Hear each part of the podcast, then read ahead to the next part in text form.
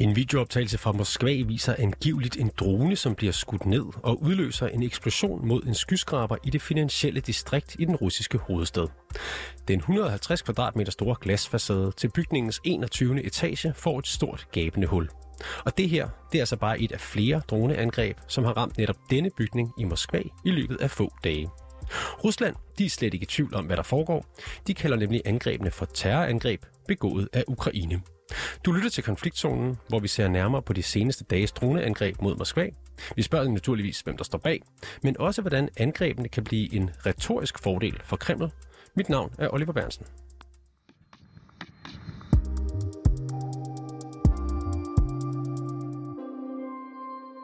Esben Salin Larsen, velkommen til programmet. Du er major og militæranalytiker ved Forsvarsakademiet. Godmorgen. Godmorgen. Nu beskrev jeg lige en øh, skyskraber i midten af Moskvas finansielle distrikt, der er blevet ramt af droneangreb både søndag og tirsdag. Hvor opsigtsvækkende er det? Øh, I og med, at der er krig, så er det jo selvfølgelig ikke opsigtsvækkende, at der øh, foregår angreb. Men det, det interessante her er jo, at øh, Rusland begynder at blive ramt ind på sit eget territorie, øh, sådan som ukrainerne også har været ude og bemærke. Øh, så øh, det er en øh, på sin vis en ny drejning, men også en logisk konsekvens af det, der er sket de sidste seks måneder. Og hvis vi ser lidt øh, nærmere på de her angreb, hvad er det så for nogle droner, som bliver brugt til dem? Jamen, øh, ud fra de, øh, det man kan se fra åbne kilder, så ser det ud som, der er tale om nogle relativt øh, lavteknologiske overvågningsdroner, som er blevet lavet op til at kunne medtage en lille øh, våbenladning øh, og flyve ind på russisk territorium overvågningsdroner. Er det, er det noget militært udstyr, eller er det noget, som jeg kan købe på Amazon? Uh, det er militært udstyr. Det er, det er droner, som uh, har en, en, en lidt større rækkevidde, end det du kan købe på Amazon. Hvor langt kan de flyve? Jamen, vi snakker i hundredvis af kilometer. Altså man kan sige, at den type droner vil typisk være begrænset af, at hvis du vil styre dem, så skal de være inden for rækkevidde af noget datalink. Så det vi ser her, det er, at de bliver øh, programmeret på forhånd til at flyve et bestemt sted hen med deres sprængladning. Så øh, så, altså, de flyver øh, væsentligt længere, end deres øh, rækkevidde er til at kunne blive styret. Øh, så det er, sige, det er nogle droner, som er blevet øh, improviseret om til at kunne øh, flyve dybt ind på fjendeterritoriet og aflevere en, en våbenladning. Og hvor stor er den våbenladning? Hvor meget skade kan de her droner gøre? I virkeligheden ikke særlig meget. Altså det, vi, det vi øh, for åbne kilder kan se, det er, det er jo nogle, nogle, nogle sprængledninger på størrelse af en, en 5-6 håndgranater, hvis man skal kunne sammenligne med noget. Og hvem har den her slags droner? Jamen, det er jo meget udbredt, og Ukraine har dem også, ikke? Ja. Ja, det var jo lidt et ledende spørgsmål, fordi ja. det store spørgsmål det er selvfølgelig, hvem du tror, der står bag de her droneangreb i Moskva? Ja, og der vil jo øh, selvfølgelig øh, skal man jo altid tage alt med et vis forbehold, men, men Ukraine har dronerne, og Ukraine har været ude med nogle udmeldinger omkring de her droneangreb, hvor de ikke direkte påtager sig ansvaret, men hvor de sådan øh, kommenterer på virkningen af dem, og sådan har Ukraine gjort før, når de har lavet nogle øh, specialoperationer eller noget tilsvarende. Så de taler om dem uden at sige, at det var dem, der gjorde det? Ja, præcis. Hvad, øh, hvad tænker du om det mål, der nu er blevet ramt to gange på få dage? Altså en skyskraber i Moskvas finansielle distrikt. Hvorfor er det et, øh, kunne det være et interessant mål for, for Ukraine, eller hvem der nu står bag de her droneangreb? Ja, men hvad, hvad jeg starter med at sige, det er jo ikke sådan... Altså man skal jo nok lede længe efter den militære nødvendighed for at gøre det. Men øh, ikke at man skal udelukke den er der. Men det, det er nok primært et signal, som øh, bliver sendt til øh, den russiske elite omkring, at det her, som Putin kalder en specialoperation inde i Ukraine, er reelt en krig, og det kan også ramme inde i Moskva, hvor I bor. Så, så det her det er et signal, øh, vi gæt være til den, den russiske elite, øh, om at øh, det er ikke uden øh, øh en pris at støtte Putins krig. Og hvordan med det russiske luftforsvar, hvor, hvor effektivt eller ineffektivt er det i forhold til at få skudt øh, de her droner ned eller få dem stoppet? Jamen, hvis vi sammenligner med Ukraine, så øh, kan sige, Ukraine har jo øh, en, en høj nedskydningsrate, øh, også hvad der kan bekræftes for, for åbne kilder, men det betyder stadigvæk, at der er nogen, der kommer igennem. Det ser ud til, at Rusland ikke har helt den samme nedskydningsrate, men, øh, men er effektiv øh, der, hvor de har placeret systemer. Fordi det, der er Ruslands problem i øjeblikket, er, at de har sådan set øh, systemer, som kan skyde ned. De her droner flyver faktisk ret langsomt, øh, og de er ikke styret, det vil sige, at de flyver øh, på sådan nogle øh, øh, waypoints, altså den, den, den er programmeret til at flyve bestemt et sted hen efter en GPS-koordinat. Så det er ikke sådan, at man har et vanskeligt flyvemønster. Øh, så, så det er relativt simpelt at skyde dem ned. Det, der er udfordringen for øh, Rusland, det er at vide, hvor angrebet kommer, så de kan stille et system op. Så Rusland har effektive systemer til at mødegå dem. Ruslands problem er, hvor skal de stille dem op, øh, fordi Ukraine ligesom har øh, overraskelsesmomentet, fordi de bestemmer, hvad det er, de vil angribe. Moskva ligger jo øh, mere end 500 km fra den ukrainske grænse. Hvordan kan de her droner overhovedet nå hele vejen derhen? Man skal forestille sig en, øh, en, en drone, som for det første øh, har nogle øh flyver på, altså den har vinger. Altså, når de fleste, når de tænker en drone øh, nede fra hobbybutikken, så er det sådan med nogle øh, små propeller, der holder den op. Men den her, det, er, det er sådan faktisk en, en, en lille flyver med en, med en meget, meget simpel motor, øh, der er meget let. Øh, det, det vil sige, at den kan heller ikke have den store sprængladning med. Øh, øh, som derfor kan flyve langt, fordi den er let øh, og har et relativt stort vingefang. Men den kan så ikke flyve særlig hurtigt. Hvor hurtigt er det? Ja, vi snakker mellem 100 og 200 km timen max. Okay. Hvor, hvorfor, er de så ikke, altså, hvorfor bliver de så ikke skudt ned på de her 500 km tur fra Ukraine til Rusland, eller til Moskva? Det er et spørgsmål om at, at opdage dem for det første, fordi man skal finde noget, der flyver relativt lavt. Øhm, øh, så du skal, du skal rette dit luftforsvar mod det. Det er det, Ukraine har gjort med imødegåelse af de iransbyggede droner, som russerne bruger. Altså lave sådan nogle zoner, hvor man ved, at de her droner vil flyve igennem på vej mod deres mål, og så skyde dem ned der. Øh, det er det første. For det andet, så kræver det også ressourcer i form af, at man skal helst have øh, en, en radar, der er placeret på flymaskinen over dronen for at opdage den. Det vil sige, at du konstant skal have nogle fly med radar, der, der kigger efter de her droner. Øh, og så øh, tilbage til de der russiske systemer. Altså, russerne har nogle meget effektive systemer, både med kanoner og, og missiler. Men de er, de er jo, den slags systemer står typisk tæt på det, der skal beskyttes. Og meget effektive og har en høj nedskydningsrate øh, i forhold til at beskytte det objekt. Men det kræver, at du på forhånd ved, hvad det er for nogle objekter, der bliver angrebet, og har en idé om det. Og, når, og det, som øh, ukrainerne gør, er øh, at tage, øh, det er jo ikke tilfældigt, men, men, men øh, i og med, at de vil sende et signal, så har de også øh, en større palette af mål, de kan ramme. Og det gør det sværere for russerne. Og ja, det lyder sådan, fordi ifølge russiske medier, så har der i år angiveligt været mere end 120 droneangreb mod Rusland og russisk kontrollerede områder, og mindst fem gange siden maj er det angiveligt lykkedes droner at komme helt til Moskva. Hvad ja. siger det om krigens udvikling? Det siger noget om, at øh, Ukraine øh, er, er ved at være øh, frustreret over øh, de konstante russiske luftangreb. Altså man kan sige, øh, russerne har længe brugt lidt den samme teknik ved at sende øh, de der iransk byggede droner, øh, godt nok med en større sprængladning, men, men, men de mod øh, mål i øh, byer i Ukraine. Vel primært for at sprede det øh, ukrainske luftforsvar tyndt. Øh, tyndt. Øh, og øh, Putin har også brugt det øh, som signalgivning, altså når der er sket noget, han har været stærkt utilfreds med, så er en eller anden by, øh, eksempelvis Zelenskis hjemby, blevet angrebet af de her droner. Øh, og det vi nu ser, det er, at ukrainerne begynder at bruge lidt samme strategi øh, med, med henblik på, øh, tror jeg, at sende øh, et besked til, til den russiske elite omkring øh, omkostningen ved at have Putin som leder øh, og i spidsen for en krig mod Ukraine. Og virker det, tror du, det at man, øh, altså groft sagt, bare knuser nogle ruder på en skyskraber med en lille bitte drone?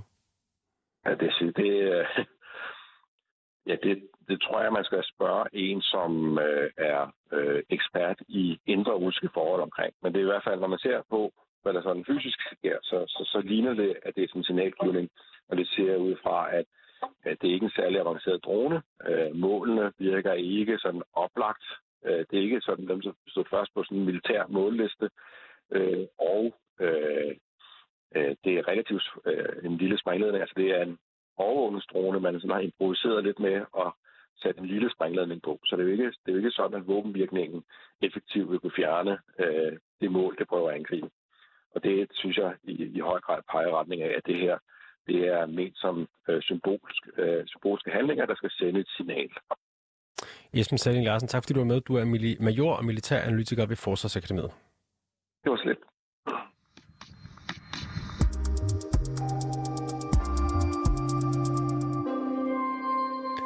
Der kommer flere droneangreb som dem, der ramte Moskva i weekenden. Sådan lyder det fra den ukrainske minister for digital transformation, Mikhailov Fedorov. Han har ansvaret for Ukraines plan om at skabe en drone her. Stefan Weikart, dansk journalist i Kiev. Velkommen til programmet. Tak skal du have. Hvordan skal det her forstås? Det, som vi hører her fra, fra Fedorov. Øh, indrømmer ukrainerne, at det, ukrainerne, at det er dem, der står bag droneangrebene mod Moskva?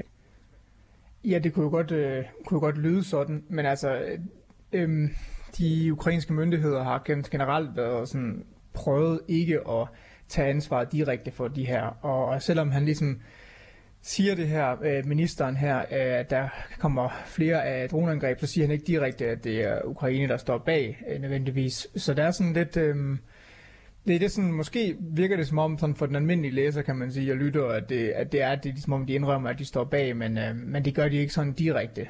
Øhm, og... men, men, men når han kommer ud og siger sådan noget som det her, så, og når man ved, at, øh, at Ukraine blandt andet arbejder med sådan nogle droneprogrammer for at kunne ramme øh, russiske mål, så virker det i hvert fald meget plausibelt, at det er Ukraine, der står bag. Øhm. Og hvordan omtaler man generelt fra den ukrainske regerings side øh, de her droneangreb? Jamen det har altid været noget, som øh, de ukrainske politikere øh, enten ikke kommenterer på, eller prøver sådan at, at, at komme med sådan nogle vage udmeldinger i forhold til. Og derfor er det her, som øh, som ministeren har, har sagt, øh, været øh, lidt en ændring i forhold øh, til det, man sådan tidligere har, har hørt, når der har været øh, angreb inde med, med droner inde i, øh, i Rusland.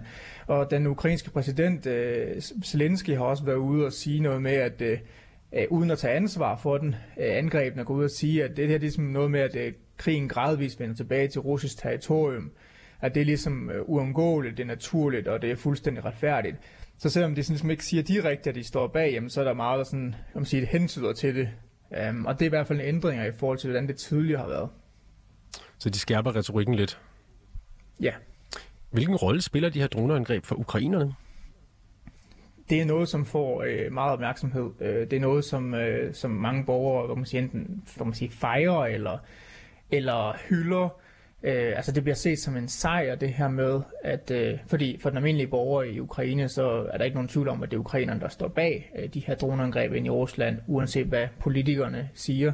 Og så bliver det ligesom set som en sejr det her med, at Ukraine øh, ikke kun øh, rammer russerne i, på, altså i den krig, der foregår på, på russisk, eller på, på ukrainsk øh, territorium her, men også at de ligesom kan, øh, kan flytte krigen øh, ind i Rusland.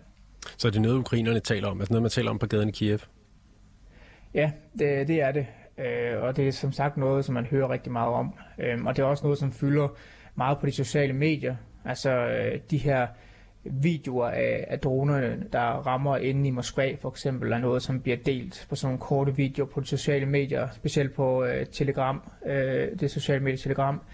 Øh, og man bliver tit, øh, så tit en kommentar med, altså enten sådan en tekst, der måske det håner russerne lidt, øh, eller en opfordring til, til sammenhold i Ukraine, altså det her med at se, hvor stærke vi er, vi kan gøre det. Hvad kan, hvad skal man sige, øh, mere generelt og mere militært, hvad kan ukrainerne bruge droneangrebene mod Moskva til i, i krigen mod Rusland? Jamen, som, som jeg forstår det også, som, som vi hørte før, jamen, altså, det er jo ikke den, altså, fordi de gør sådan en voldsom skade. Øh, det er jo ikke sådan, at de stopper Ruslands våbenproduktion, for eksempel, eller ødelægger fabrikker på den måde. Altså, det er jo mindre størrelsesforhold. Derfor så synes jeg også, at det måske mere handler om noget symbolsk. Altså, at det kan gøre to forskellige ting.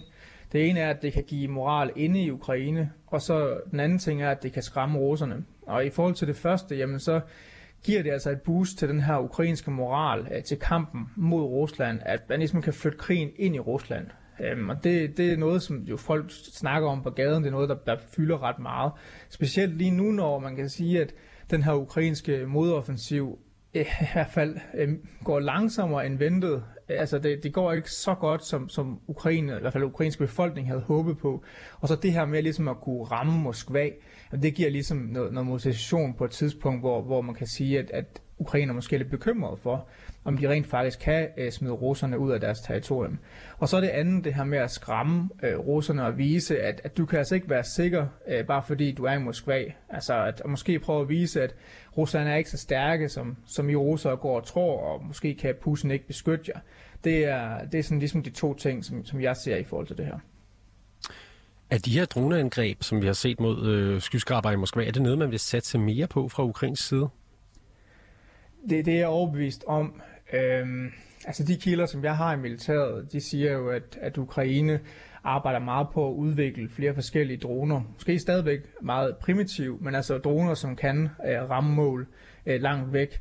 Og både i luften, øh, til luften, men også, også til vands, altså simpelthen droner, der kan, der kan sejle på, øh, på kanaler og åer, som jo selvfølgelig også går over grænsen ind til Rusland. Øhm, og der er rigtig mange, som man sige, små øh, altså sådan iværksætterprojekter i Ukraine med sådan nogle ukrainske virksomheder, som spiger frem, øh, som laver våbenløsninger til militæret. Altså det er sådan nogle universitet, universitetsprofessorer, IT-folk, ingeniører, som, som for at hjælpe her begynder at lave løsninger til, til alle mulige forskellige ting, som, som kan, kan hjælpe her ved fronten. Men der er også rigtig mange, der udvikler droner, alt muligt fra sådan altså der ting, der bliver lavet i garager til sådan større virksomheder. Og, og det betyder også, at, at man kan sige, at ukrainernes øh, arsenal af droner, muligheder for at ramme, det, det er også øh, stigende. Du siger, at de har skærpet retorikken fra ukrainsk side i forhold til at, øh, at tale om de her droneangreb, men de tager stadig ikke ansvar for dem. Hvorfor egentlig ikke gøre det?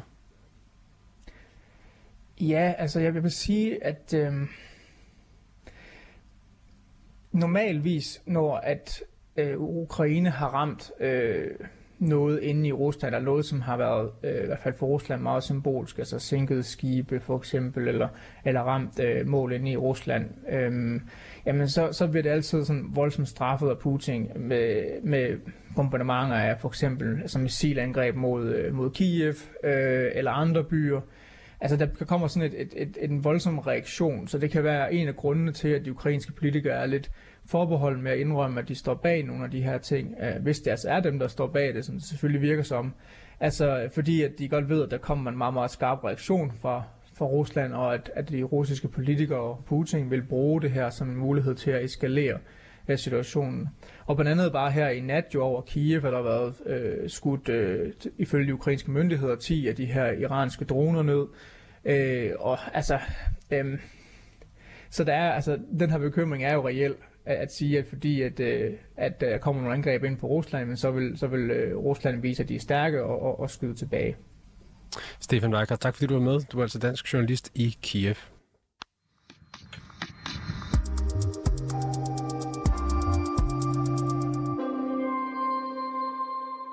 Selvom hverken Ukraine eller Rusland officielt har taget øh, ansvar for angrebene i Moskva, så bliver de brugt effektivt af det russiske styre i Kreml.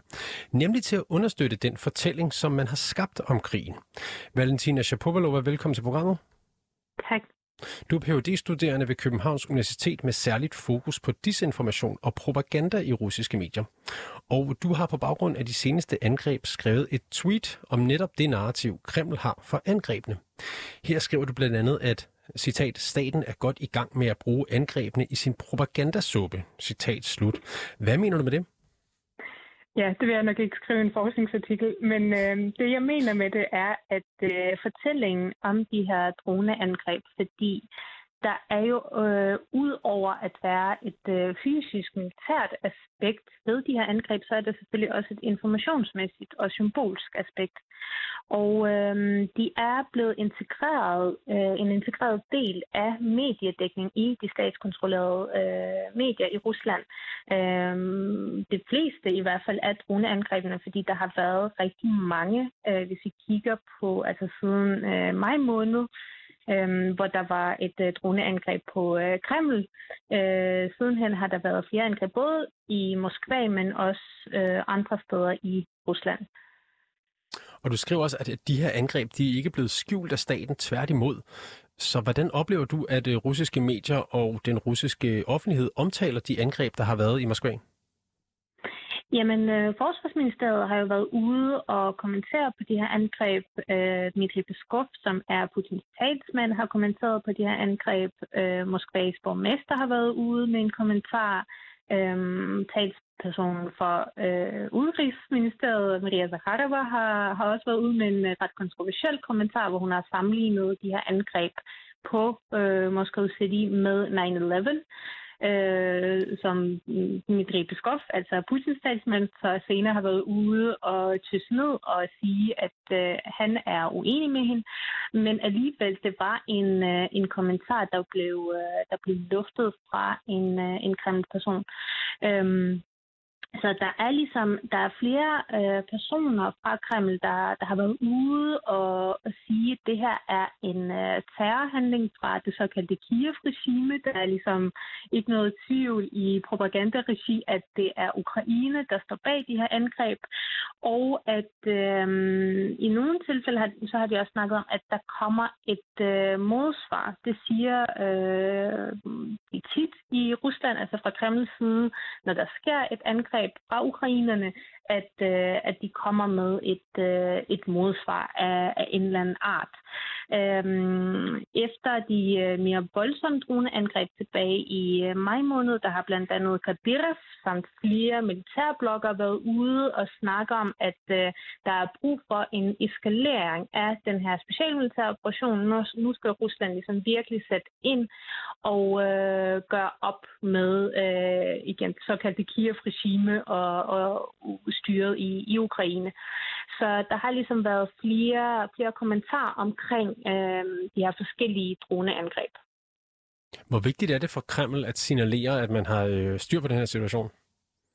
Meget vigtigt, øh, fordi sideløbende med fortælling om, at det her angreb er sket, at det er ukrainernes øh, skyld, at det er altså en ukrainsk øh, terrorhandling, så har der også været fortælling om, at øh, Kreml har styr på det, at øh, alt er under, kontrol, øh, under kontrol, øh, som det hedder på Rusland, øh, og ligesom tysse ned for øh, den panik, der kunne opstå øh, i befolkningen. Fordi det er jo en øh, hård, fin balance, som øh, de kører med rent narrativt, øh, at fortælle befolkningen, at der er en fare på færre med de her droneangreb, altså den her specialmilitære operation, den såkaldte, som krigen i Ukraine hedder, i Rusland, at den kommer tættere på øh, det altså helt almindelige russere øh, i blandt andet Moskva, som jo er, er Ruslands hjerte, øh, men samtidig at regeringen har øh, styr på det.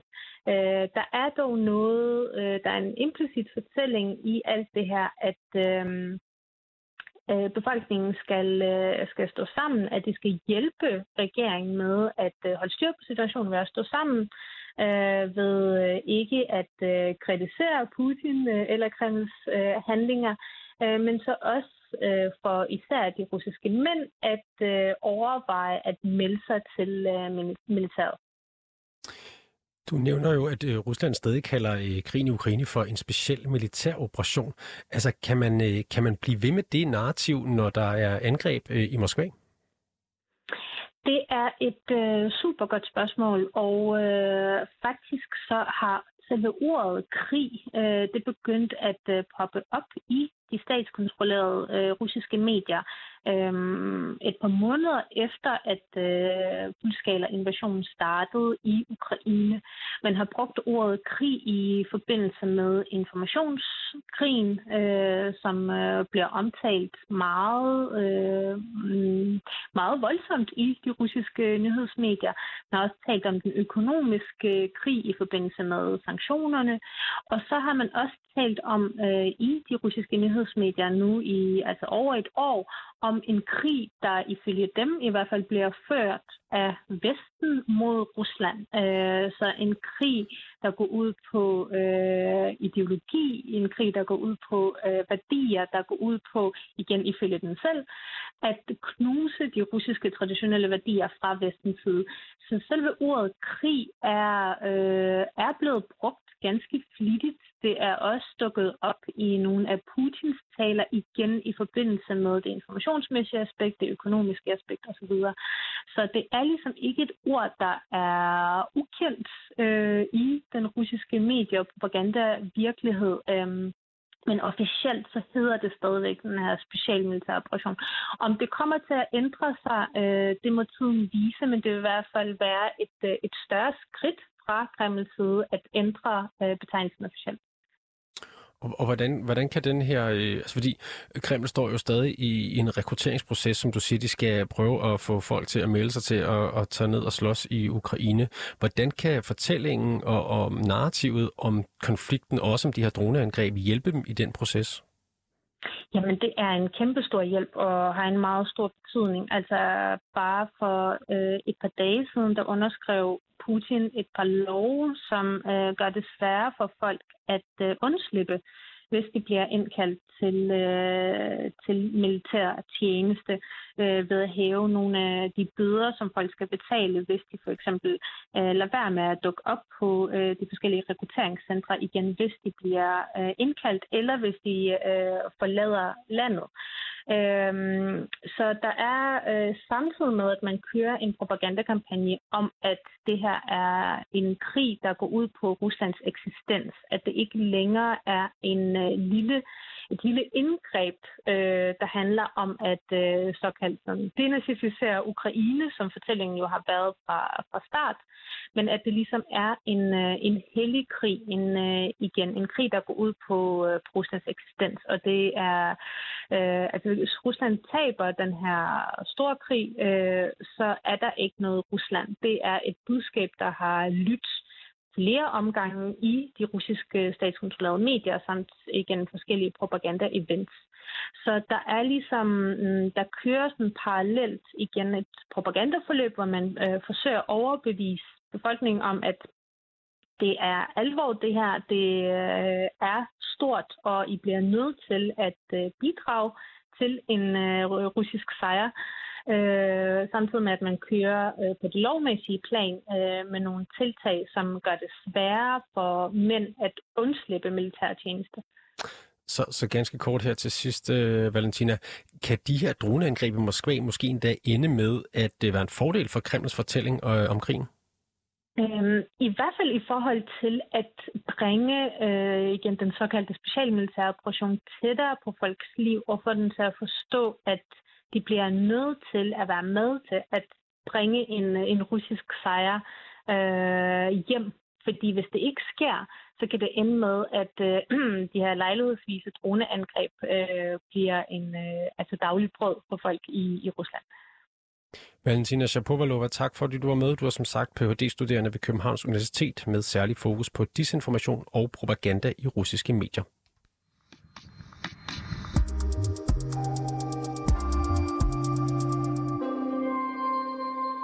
Du har lyttet til dagens afsnit af Konfliktzonen 24-7's udenrigsmagasin. Mit navn er som sagt Oliver Bærensen, og bag holdet, øh, holdet bag programmet er Christine Randa og Sofie Ørts. Du kan lytte til programmet direkte mandag til torsdag fra 8 til 8.30, men du kan selvfølgelig også høre programmet som podcast.